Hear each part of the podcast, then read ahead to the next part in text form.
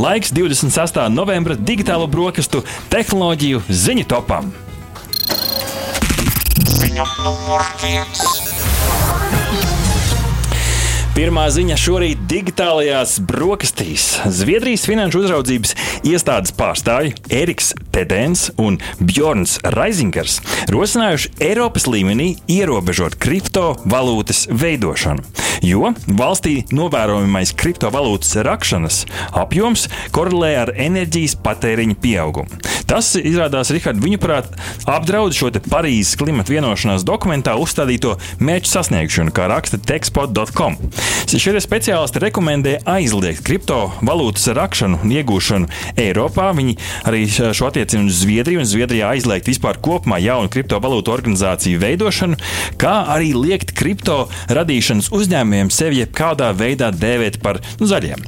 Tieši Zviedrijā salīdzinoši zemās elektrības cenas dēļ, kuras iespējams arī pateicoties atjaunojumiem enerģijas resursiem, kur, kurus viņi ļoti aktīvi arī izmanto, šie visi faktori ir piesaistījuši kriptovalūtas racējus. Un nevelti, jo kādu laiku atpakaļ tieši Ķīna bija tā, kur paziņoja, ka kriptovalūtas ir nelegāls. Līdz ar to nu, iespējams, ka liela daļa no šiem racējiem, racēju biznesi, kas ir patiesībā diezgan, diezgan ienesīgs bizness, visi ir, nu, ne visi, bet daļa ir pārcēlušies uz Zviedriju. Un, protams, ir arī oponenti šim. Ne visi ir tik vienos vārtos. Ir dažādi arī analītiķi un firmas, kur saka, ka nu, tomēr tā problēma nesot tik liela, kā šie kungi pasniedz. Nu, laikam jau Rihards patiesība kaut kur pa vidu.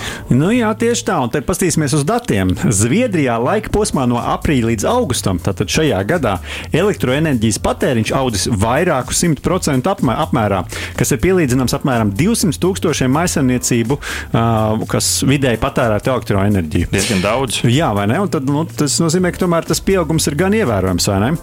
Un, starp citu, šajā amatpersonu ziņojumā minēts, ka Kembridžas Universitātes un Digiconomista lēš, ka divi lielākie kriptogrāfijas aktīvi, Bitcoin un Ethereum, kopā viena gada laikā patērē apmēram divas reizes vairāk elektroenerģijas nekā pati Zviedrija. Nu, tas tāds vienkārši salīdzinājums. Mm -hmm. Un te jāņem vērā vēl viens aspekts, ka elektroenerģija kopumā šobrīd Eiropā ir deficīts. Tas ap citu ir saistīts arī ar to, ka bija ļoti savs, uh, savs pavasaris un uh, hidroelektrostacijas uh, nevarēja saražot tik daudz elektrības kā parasti. Un Skandināvija ir diezgan atkarīga no šī. Līdz ar to iespējams, ka arī tur ir zināma saistība, jo cena kāpj, un tad nu, valstī ir jādomā, kam to enerģiju piegādāt un uh, kāda cena elektroenerģijai būs. Un, uh, droši vien, ka nu, prioritāte tomēr ir iedzīvotāji, nevis uh, bitkoinu racēji.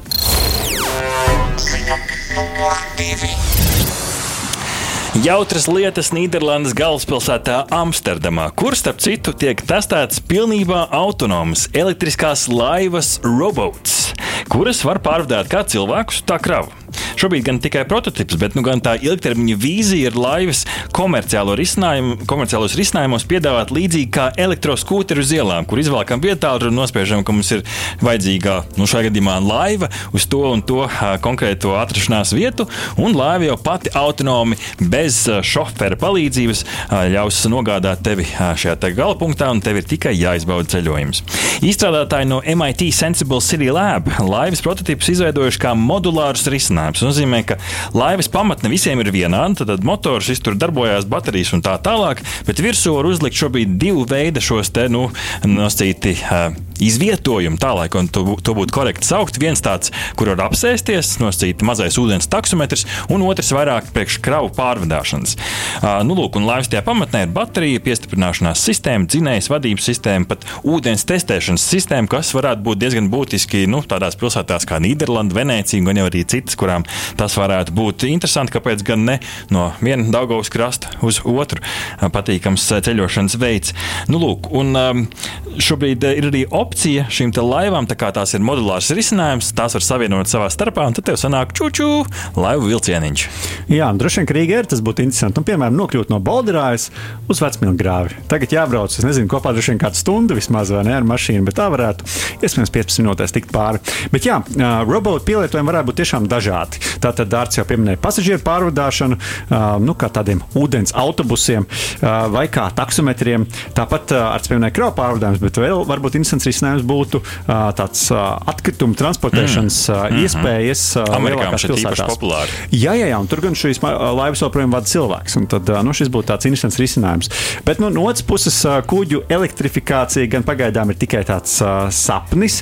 Nu, tas varētu strādāt vairāk tieši uz šiem mazajiem attālumiem. Kādu laiku atpakaļ šķiet jau arī ziņojām par elektrificētu konteineru kuģi Jara Birkeland, uh, taču tas pagaidām ir tiešām derīgs tikai šiem nelielajiem attālumiem.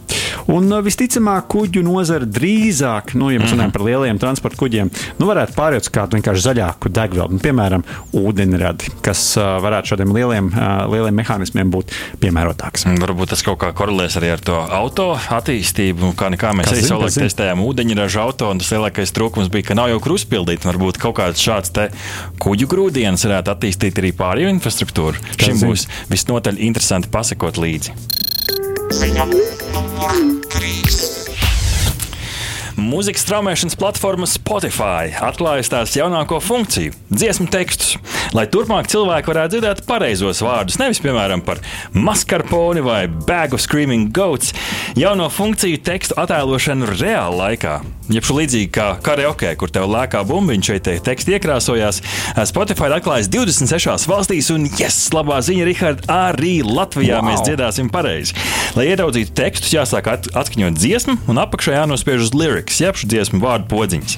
Papildus tam mēs varēsim arī dalīties ar dziesmu vārdiem sociālajos tīklos, līdz ar to mēs varēsim izteikt savas emocijas Rihards caur dziesmām.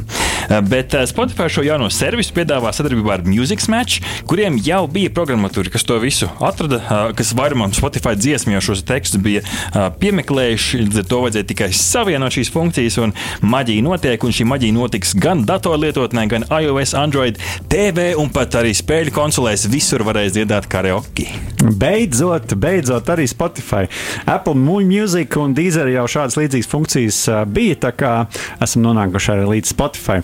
Un papētot sīkāk, nu, kā tad veicas ar šo Latvijā jau pieejamo funkcionalitāti, tad jāsaka, ka, nu, piemēram, prāta vētras dziesmām tīri labi. Mm -hmm. Šis te ir atstrādāts, bet, nu, savukārt, piemēram, ja gribētu dzirdēt līdz menuetam, nu, mm -hmm. tad vien būs jāatcerās pašam, nu, vai jānolasa tekstu, jā, tekstu redzam, bet, bet viņš smuki neies mm -hmm. kopā ar mūziku mūziku. Nu, tik daudz. Bet nu, droši vien jau, ka mēs visas tās dziesmas zinām tik labi no galvas, ka mierīgi varēsim arī no teksta.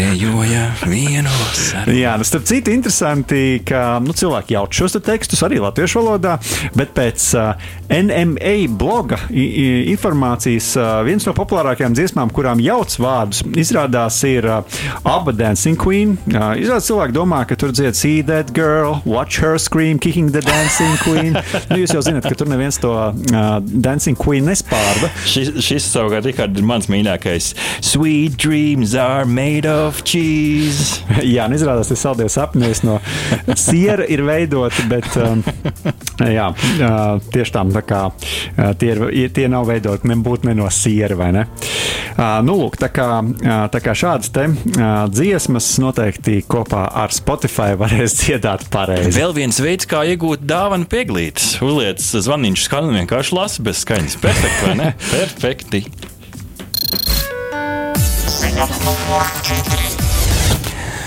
Sen, Rihard, neesam runājuši par droniem.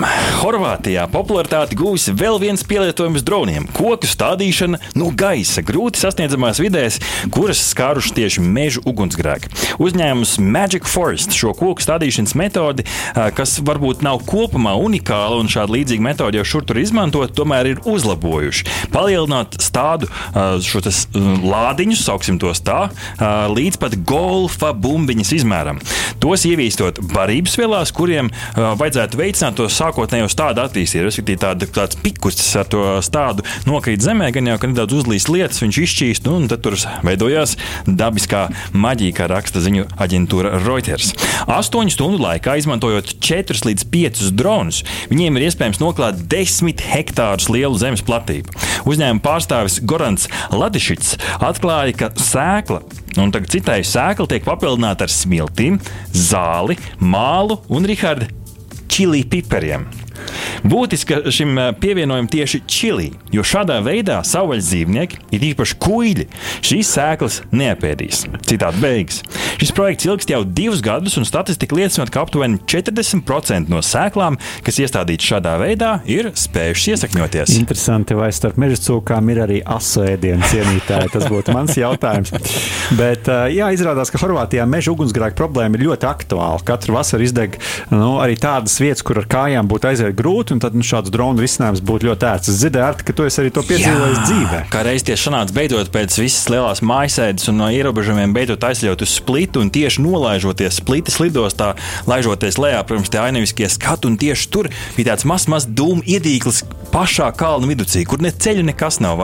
Un iedomājieties, divas dienas vēlāk mēs braucam ar laivu un skatāmies, viss tas līcis pie splitas pilns ar dūmiem. Jo, kā izrādījās, nu, tiešām šī ir masīva problēma. Sāk degt vienā vietā kalnā, un tur nevar īsti piebraukt. Un tad viņi ar lidmašīnām tur laid un, un dzēsa. Līdz ar to nu, ir tomēr problēma, kas varbūt mums Latvijas klimatam nav tik, ne klimatam, bet nu, šai zemes reliefiem nav tik raksturīgs.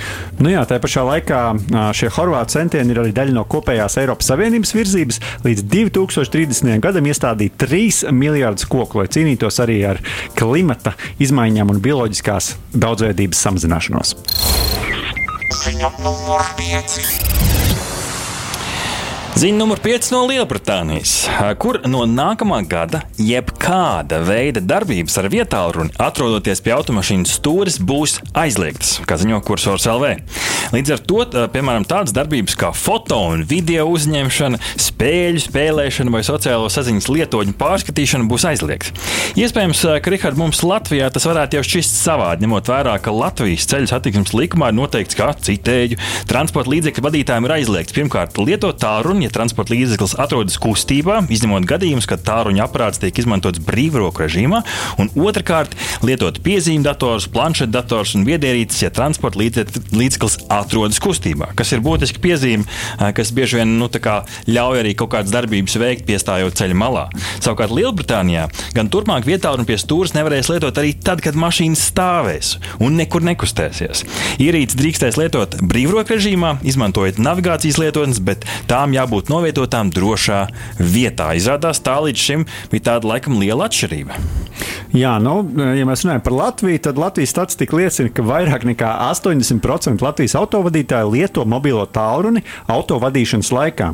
Turklāt lielākā daļa, jeb 60% no viņiem to dara dažādu darba jautājumu risināšanai. Tā secināts Ceļu satiksmes drošības direkcijas savulaik veiktajā Latvijas autovadītāju aptaujā. Turklāt, kā atzīst paši autovadītāji, katrs piektais, jeb 20% no viņiem paši vai viņu paziņas ir piedzīvojuši ceļu satiksmes negadījumus, jo brauciena laikā bijuši nu, iegrimuši mobilajā telefonā.